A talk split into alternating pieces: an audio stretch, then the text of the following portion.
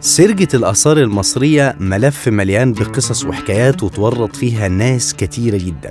بس السؤال هي أصلا إزاي سرقة الآثار المصرية اتطورت؟ الإيجابي عن طريق ضفدعة لما محمد علي باشا قرر منع سرقة الآثار المصرية كان إدراكه لقيمتها متأخر شوي.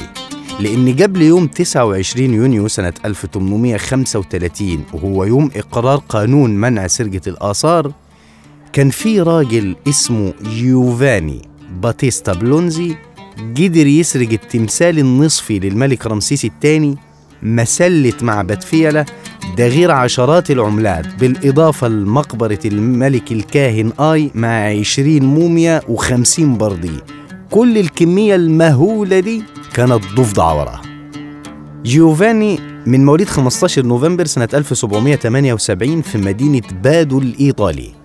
أبوه كان حلاق كان مخلف 13 واد غيره.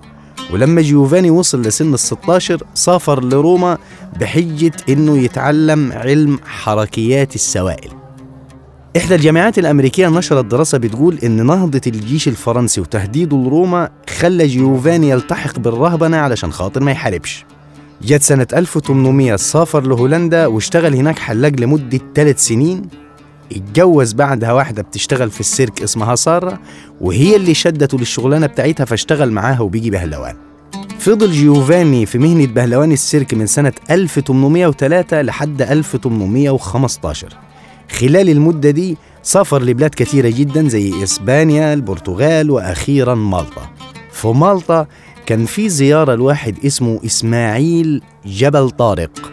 كان أحد رجال محمد علي باشا وجا مالطا علشان يتعرف على أساليب الري الجديدة جيوفاني عرف وكان عاوز يبقى ضمن رجال محمد علي باشا فسافر لمصر ومعاها آلة لرفع المية بتاعة نهر النيل. محمد علي ما اهتمش قوي بالآلة دي وفضل إنه يتعرف على الأساليب الفرنسية مش أي أساليب دولة تانية. فالدنيا بقيت سودة في وش جيوفاني وقرر إنه يسيب مصر. يوهان لودفيك بيركهارت كان هو حلقة الوصل ما بين جيوفاني وما بين القنصل الإنجليزي في مصر هنري سولت.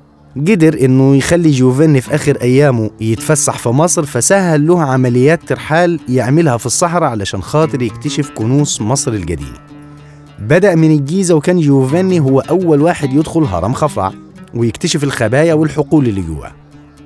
بعدها قرر إن هو يسافر للصعيد. فراح الأقصر وأسوان وهناك كانت بوابته للسرج سافر جيوفاني الأسوان عشان ينجب في الصحراء فشاف رؤوس أربع تماثيل مغمورة في الرمال. وما كانش عارف هي التماثيل دي واقفة ولا جزء من تكوين صخري جبلي زائد كمان إن الرمال الناعمة بتغطي المكان.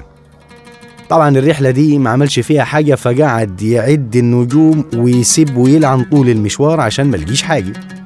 فقرر إنه يسيب مصر ويعمل حفلة يودع بيها الناس اللي كانوا معاه وهم عبارة عن بدو وأهالي من النوبة عند جزيرة حاليا معروفة باسم جزيرة تمساح.